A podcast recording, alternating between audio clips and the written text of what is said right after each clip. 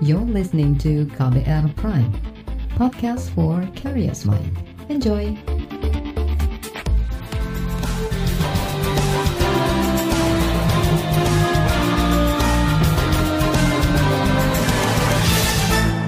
Halo, selamat sore saudara. Apa kabar Anda sore hari ini? Kembali, KBR Sore siap untuk menjadi teman Anda beraktivitas selama kurang lebih 30 menit ke depan. Dan sore ini saya mau ajak Anda untuk memperingati Hari Anti Kekerasan Terhadap Perempuan Internasional. Belakangan, pemerintah dan DPR gencar membahas isu tersebut dan berencana mengeluarkan rancangan Undang-Undang Tindak Pidana Kekerasan Seksual atau RUU TPKS demi memberikan perlindungan hukum kepada para korban. Sejauh mana upaya itu dilakukan? Bersama saya Reski Mesanto, kita bahas selengkapnya di KBR sore. Saudara, Kementerian Pemberdayaan Perempuan dan Perlindungan Anak atau P3A mencatat sejak pandemi 2020 hingga Oktober 2021 ada 15.000 orang menjadi korban kekerasan terhadap perempuan. Kendati demikian, jumlah itu cenderung menurun dibanding periode 2019 hingga 2020 yang mencapai 24 ribuan kasus. Meski begitu, Menteri Pemberdayaan Perempuan Igusti Ayu Bintang Darmawati mengatakan, saat pandemi ini bentuk kekerasan yang dihadapi perempuan bertambah, bukan hanya kekerasan fisik namun juga kekerasan secara online atau daring. Berdasarkan data Sistem Informasi Online Perlindungan Perempuan dan Anak Simponi PPA, selama masa pandemi COVID-19 per Maret 2020 sampai dengan Oktober 2021, terdapat 14.971 kasus kekerasan terhadap perempuan dewasa dengan jumlah korban sebanyak 15.125 orang. Bentuk kekerasan yang paling banyak dilaporkan yaitu kekerasan fisik, diikuti psikis, seksual, dan penelantaran. Adapun kejahatan seksual juga tidak hanya terjadi dalam ruang fisik, namun juga dalam lingkup daring. Penggunaan gawe secara intensif untuk kegiatan daring di masa pandemi telah menghadapkan perempuan pada bentuk kekerasan baru, yakni kekerasan berbasis gender online. Mengutip Komnas Perempuan 2021, kasus berbasis gender online mengalami peningkatan hampir empat kali lipat selama tahun 2020. Data-data ini tentunya perlu menjadi perhatian kita bersama, apalagi fenomena kekerasan merupakan fenomena gunung es di mana kasus yang terjadi biasanya lebih besar dibandingkan dengan kasus yang terlaporkan. Menteri Pemberdayaan Perempuan dan Perlindungan Anak I Gusti Bintang mengatakan penyebab utama kekerasan terhadap perempuan terus terjadi adalah karena tidak adanya aturan hukum yang mengatur penanganan bagi korban kekerasan seksual belum adanya aturan hukum yang mengatur mengenai kekerasan secara komprehensif juga turut menjadi faktor yang melanggengkan isu kekerasan di Indonesia. Padahal sejak awal negara Indonesia menjamin perlindungan bagi seluruh rakyatnya sebagaimana yang tertuang dalam pembukaan dan batang tubuh Undang-Undang Dasar Negara Republik Indonesia Pemerintah Indonesia juga telah mendukung berbagai konvensi internasional, salah satunya konvensi mengenai penghapusan segala bentuk diskriminasi terhadap perempuan, serta membentuk berbagai peraturan perundangan untuk melindungi perempuan dari kekerasan. Meski belum ada landasan hukum yang pasti, Menteri Igusti Bintang mengklaim telah membuat banyak kebijakan dan program untuk melindungi perempuan dari kekerasan dan memfasilitasi aduan para korban.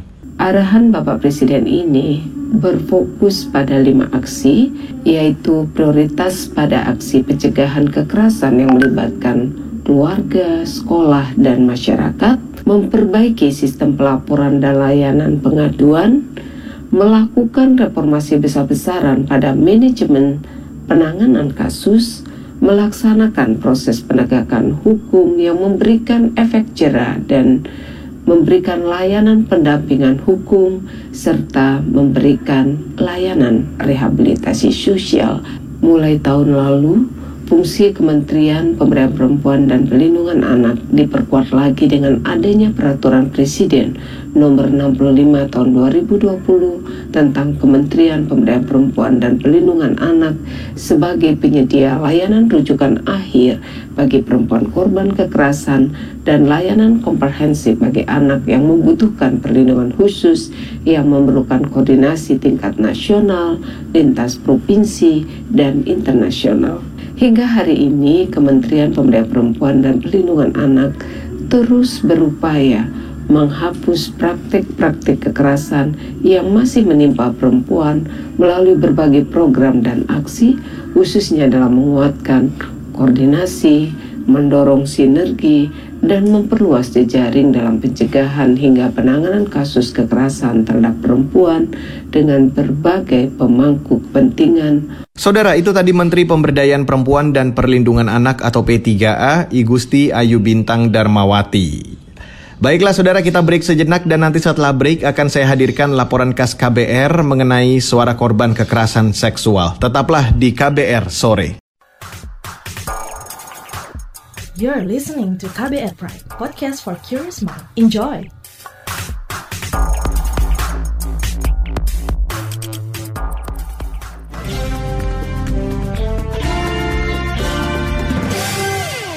Saudara, korban kekerasan seksual di tanah air meningkat tajam dalam beberapa tahun terakhir. Komnas Perempuan mencatat setiap tahun ada sekira 5.000 kasus yang dilaporkan. Sedangkan yang tidak melapor diperkirakan jauh lebih banyak. Sebagian korban takut melapor dengan sejumlah alasan, sementara yang lain memberanikan diri, mengungkap apa yang dialaminya, seperti salah satu korban berikut ini. Selengkapnya, saya ajak Anda untuk langsung mendengarkan laporan khas KBR yang disusun Sindu Darmawan. Setelah itu ia mencium pipi, pipi sebelah kiri saya dan mencium kening saya. Saya sangat merasa ketakutan dan saya langsung menundukkan kepala saya. Namun Bapak Sapriharto segera mendongakkan kepala saya dan ia berkata, mana bibir, mana bibir. Yang membuat saya membuat saya sangat sangat terasa terhina, membuat saya terasa terkejut, badan saya terasa lemas, saya ketakutan. Namun setelah saya mendorong Bapak Sapriharto, ia mengatakan, ya udah kalau nggak mau. Saya langsung buru-buru meninggalkan ruangan dekan itu tadi suara pengakuan mahasiswi berinisial I yang diduga menjadi korban kekerasan seksual di lingkungan Universitas Riau. Video pengakuan kejadian yang ia terima diunggah di akun Instagram Korps Mahasiswa Hubungan Internasional Fakultas Ilmu Sosial dan Ilmu Politik FISIP Universitas Riau atau @komahi underscore UR pada Kamis 4 November lalu. Mahasiswi Hubungan Internasional FISIP UNRI itu menjelaskan kronologis kekerasan seksual yang ia alami. Pelecehan seksual yang saya terima tersebut terjadi pada tanggal 27 Oktober pada hari Rabu jam 12.30. Saya ingin menemui Bapak Syafri Harto untuk melakukan bimbingan proposal skripsi. Saya melakukan bimbingan proposal skripsi di ruangan dekan FISIP UNRI. Di dalam ruangan tersebut kami hanya berdua, tidak ada orang lain di dalam ruangan tersebut selain kami. Bapak Syafri Harto mengawali bimbingan proposal skripsi dengan menanyakan beberapa pertanyaan yang menuju kepada personal life saya tentang pekerjaan, tentang kehidupan. Namun dalam percakapan tersebut, beberapa kali Pak Syafri Harto mengatakan kata-kata yang membuat saya tidak nyaman. Syafri Harto yang ia maksud adalah dekan Fakultas Fisip Unri, pembimbing proposal skripsi. Ia mengalami trauma berat setelah kejadian itu. Saya mengalami trauma yang sangat berat akan perlakuan yang tidak pantas yang dilakukan oleh Pak Safiatul kepada saya. Mahasiswi angkatan 2018 itu melakukan berbagai upaya untuk mencari keadilan atas apa yang ia alami. Antara lain dengan menghubungi salah satu dosen hubungan internasional untuk membantunya melapor dan meminta penggantian dosen pembimbing skripsi. Namun, ia justru mendapat tekanan dari dosen yang tidak ia sebut namanya. Di sana, ia mencoba melakukan penekanan-penekanan kepada saya untuk tidak memberitahu ketua jurusan tentang kasus ini. Ia mengancam saya dengan kata-kata seperti, jangan sampai gara-gara kasus ini, Bapak Syafiharto nanti bercerai dengan istrinya. Bukan dukungan yang ia dapat, ia malah disalahkan, dilarang berbicara, dan mengungkap kasus ini. Pihak kampus berdalih hal itu sebuah kekilafan dan insidental. Akhirnya kami bertemu didampingi oleh dosen yang berusaha mencegah saya tadi. Di sana ternyata yang awalnya saya kira bapak tersebut mendukung saya dan ingin melindungi saya namun ternyata tidak. Di depan ketua jurusan ia mencoba menyalah-nyalahkan saya atas kecerobohan saya yang tidak menggunakan SK dalam melakukan bimbingan proposal. Dia mementingkan persyaratan SK ketimbang kasus pelecehan seksual yang saya terima oleh Bapak Syafriharto dosen yang ia kira akan membantu berlaku sebaliknya. Bahkan mendesak dia bertemu kembali dengan Safri Harto usai pelaporan tersebut. Baginya ini sangat menakutkan, seolah mengulang kembali peristiwa yang terjadi. Dia juga merasa diteror oleh Safri Harto. Dan beliau sempat meng mengirim pesan kepada saya dan mengatakan, kok telepon Bapak di reject yang membuat saya merasa sangat diteror, merasa merasa sangat ketakutan. Beberapa hari setelah pengakuan itu, kasus ini menjadi viral dan bergulir ke kepolisian. Pada Kamis 18 November lalu, Polda Riau mengumumkan penetapan Safri Harto sebagai tersangka pelecehan seksual. Penetapan dilakukan usai penyelidikan dan penyidikan. Namun, ia tidak ditahan. Dari sekian banyak korban, I adalah salah satu yang berani mengungkap peristiwa yang ia alami. Karena itu, dia meminta kepada para korban lain agar berani bersuara. Jangan membiarkan mereka tertawa atas perlakuan keji yang telah mereka lakukan terhadap diri kamu. Dan saya ingin hal ini tidak terjadi lagi kepada setiap perempuan, terlebih lagi mahasiswi yang mungkin mengalami ketakutan seperti saya. Saya harap kalian kuat, saya harap kalian berani. Saya tidak ingin mereka dengan santainya melakukan melakukan pelecehan seksual dengan kita wanita yang tidak memiliki kekuatan untuk membalas. Demikian laporan khas KBR. Saya Fitri Anggreni. Saudara, kekerasan terhadap perempuan juga mendapat respon dari parlemen. Panja Rancangan Undang-Undang Tindak Pidana Kekerasan Seksual atau RUU TPKS dijadwalkan menggelar pleno hari ini. Namun sayang pleno batal digelar, lantas apa penyebabnya? Informasi selengkapnya sesaat lagi. Tetaplah di KBR Sore. You're listening to KBR Pride, podcast for curious mind. Enjoy!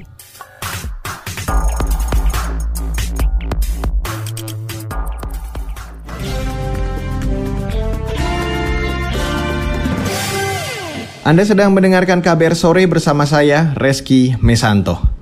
Saudara, draft naskah rancangan Undang-Undang Tindak Pidana Kekerasan Seksual atau RUU TPKS telah selesai dibahas di Badan Legislasi DPR. Rencananya, RUU ini akan segera diputuskan menjadi RUU Inisiatif DPR melalui rapat pleno panitia kerja atau panja RUU TPKS. Namun hari ini pleno batal digelar dengan alasan masih melobi beberapa fraksi yang belum setuju. RUU baru didukung empat fraksi sehingga belum memenuhi syarat untuk disahkan sebagai RUU inisiatif DPR. Sebagai pihak pengusul, fraksi Nasdem, PDIP, dan PKB mengklaim akan membuka dialog agar draft RUU TPKS disahkan menjadi inisiatif DPR RI. Lantas bagaimana lobby antar fraksi dilakukan? Untuk membahasnya, saya ajak Anda untuk langsung mendengarkan wawancara jurnalis KBR Heru Haitami bersama Ketua Panja RUU TPKS Willy Aditya. Terkait nasib rancangan undang-undang tindak pidana kekerasan seksual, bagaimana selama ini pembahasan di balik DPR RI? Ini sudah cukup intensif dan dalam ya, karena sudah berkali-kali melakukan RDPU dan melibatkan audiensi, bahkan sudah lebih dari 100 stakeholder yang datang ke balik untuk memberikan masukan, pandangan, uh, penolakan juga termasuk ya. Jadi terakhir kemarin ada lima BEM memberikan dukungan ya BEMU. Jadi kalau materi muatan sejauh ini apa yang disusun oleh rancang undang-undang tindak pidana kekerasan seksual ini benar-benar sudah mengakomodir semua pihak lah ya bahkan yang kontra pun yang menolak pun sejauh ini kita terima masukannya ini. Soal tudingan-tudingan seperti melegalkan zina dan lainnya, bagaimana DPR menjawab ini? Tidak ada ruang untuk kemudian ada uh, agitasi-agitasi politik yang mengatakan ini ruang untuk kebebasan seksual dan penyimpangan seksual gitu. Nggak ada. Coba buktikan saja mana ruang yang materi muatan sejauh ini mengakomodir itu ya. Toh semua sidang saya buka secara luas melalui TV parlemen, melalui sosmed parlemen disiarkan secara langsung.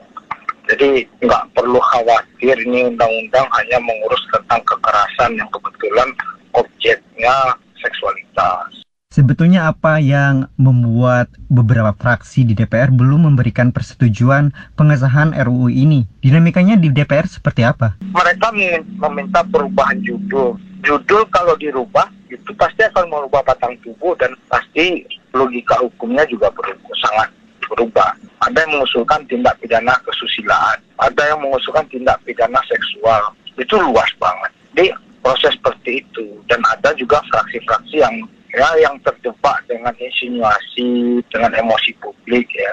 Padahal yang harus kita lihat adalah hukum itu berdiri disusun untuk kemudian menyelesaikan problem-problem publik ya. Ya sejauh ini kan korban tidak bisa mengakses keadilan, tidak mendapatkan perlindungan. Inilah undang-undang satu-satunya yang leg spesialis menekankan pendekatan kepada korban dan memiliki hukum acara yang sendiri khusus. Ini yang kemudian harus kita kedepankan. Bagaimana perlindungan si korban, keluarga si korban, si saksi. Kan, kan banyak kasusnya terjadi reviktimisasi dengan gampang. Harusnya kita sama-sama sadar ya. Ini bukan domain untuk mengatur kebebasan seksual, perilaku seksual yang menyimpang, bukan. Ini hanya semata-mata mengatur kekerasan seksual. Harusnya kalau sudah rata sudah disepakati juga judulnya. Jadi, tapi untuk pleno kan kita butuh memastikan mayoritas menerima naskah. Ini yang kemudian sekarang masih dinamis. Lantas bagaimana fraksi pengusul meyakinkan lima fraksi lain karena keputusan pleno agar RUU ini berlanjut setidaknya membutuhkan lima dukungan fraksi? Ya pengusul itu tiga fraksi, Nasdem, PDI Perjuangan, dan PKB. Itu tiga fraksi pengusul RUU ini. Ya langsung pleno lah kita ya. Ini masih komunikasi satu sama lain. Saya mengapresiasi banyak dukungan dari publik terhadap hal ini. Ya semoga ruang politik di balik kemudian ya mendapatkan inspirasi lah dari apa yang teman-teman lakukan ini. Bagaimana ini menjadi sebuah kebutuhan kita bersama dan sangat mendesak gitu. Kan harusnya hari ini pleno tapi kan belum bisa ya. Nah, tentu kita harus lihat nih beberapa inilah proses politik ya. Nah, ada tarik ulur ya. ada turun naik ya.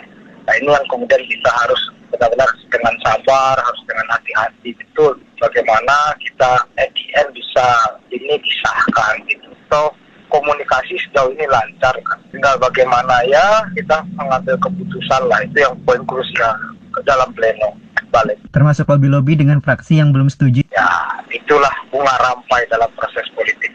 Saudara, itu tadi wawancara jurnalis KBR Heru Haitami bersama Ketua Panja RUU TPKS Willy Aditya.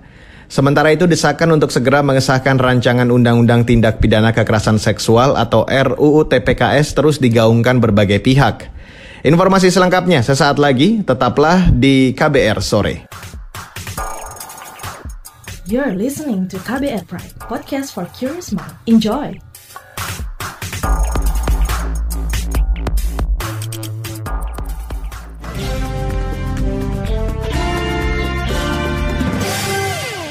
Saudara, inilah bagian akhir dari KBR sore. Saudara, tarik ulur pembahasan dan pengesahan rancangan Undang-Undang Tindak Pidana Kekerasan Seksual terus terjadi. Angin segar yang sempat dihembuskan parlemen terkait RUU TPKS kini arahnya tak jelas lantaran sikap anggota dewan yang belum satu suara. Menanggapi hal ini, Komnas Perempuan bakal mengajak fraksi-fraksi di DPR yang memiliki catatan penolakan tentang RUU untuk berdiskusi sehingga rancangan ini bisa segera diketok palu menjadi undang-undang.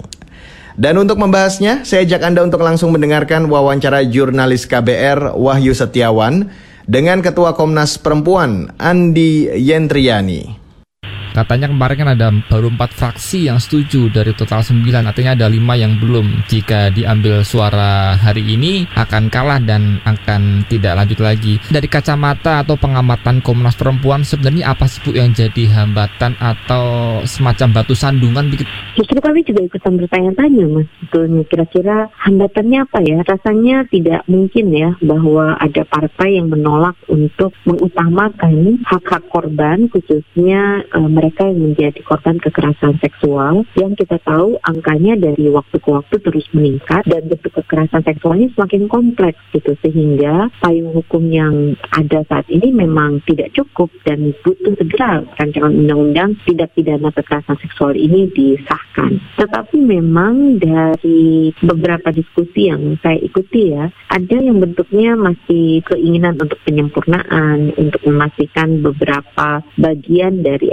elemen-elemen kunci yang harusnya hadir dalam perlindungan korban ini ada, itu satu kelompok. Tapi juga ada kelompok lain yang memang dia bertahan sekali untuk melakukan pencampuran ya, pencampuran dari apa yang harusnya diatur di dalam rancangan undang-undang. Percampuran ini uh, yang satu pihak adalah tentang kekerasan seksual, yang kedua adalah tentang kesusilaan.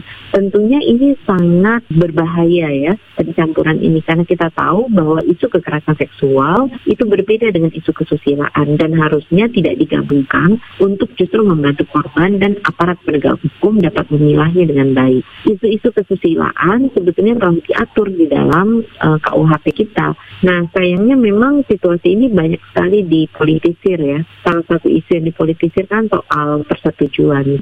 Eh, Komnas Perempuan membuka diskusi, ruang diskusi terhadap fraksi-fraksi yang uh, belum sependapat. Apakah sejauh ini sudah ada semacam pembicaraan lebih lanjut seiring dengan adanya sejumlah isu-isu yang hangat di permukaan seperti tadi yang Ibu sebutkan? Kami sih mengirimkan saja pasang ajuan ya untuk mengajak diskusi, tetapi belum semua fraksi, terutama yang menolak, yang uh, menerima ajuan dari Komnas Perempuan untuk berjumpa uh, makin molornya undang-undang RUU disahkan artinya makin banyak korban yang tak terlindungi ya Bu?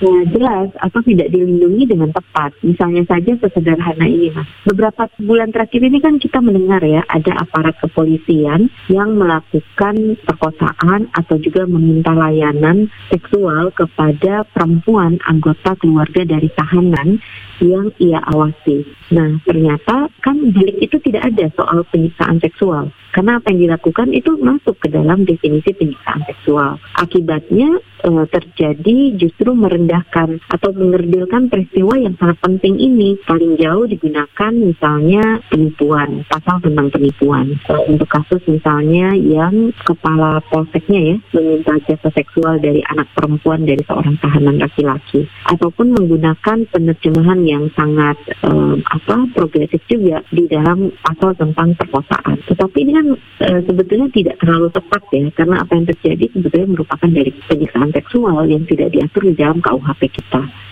Bu, saya mau konfirmasi data Komnas Perempuan dalam lima tahun terakhir ada hampir 25 ribu laporan kekerasan seksual. Begitu, Bu? Betul, datanya kami lansir kemarin ya pada saat uh, meluncurkan kampanye 16 hari anti kekerasan terhadap perempuan. Ini adalah kampanye tahunan dan juga kampanye global yang bermula pada tanggal 25 November dan berakhir nanti di tanggal 10 Desember.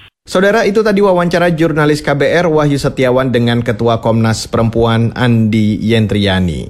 Dan informasi tadi sekaligus menutup KBR sore untuk hari ini, Kamis 25 November 2021. Terima kasih untuk Anda yang sudah bergabung sore hari ini dan ingat selalu patuhi protokol kesehatan di mana pun Anda berada.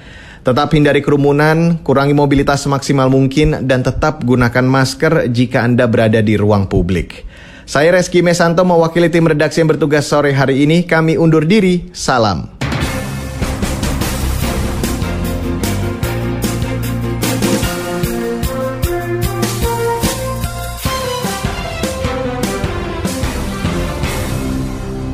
KBR Prime, cara asik mendengar berita.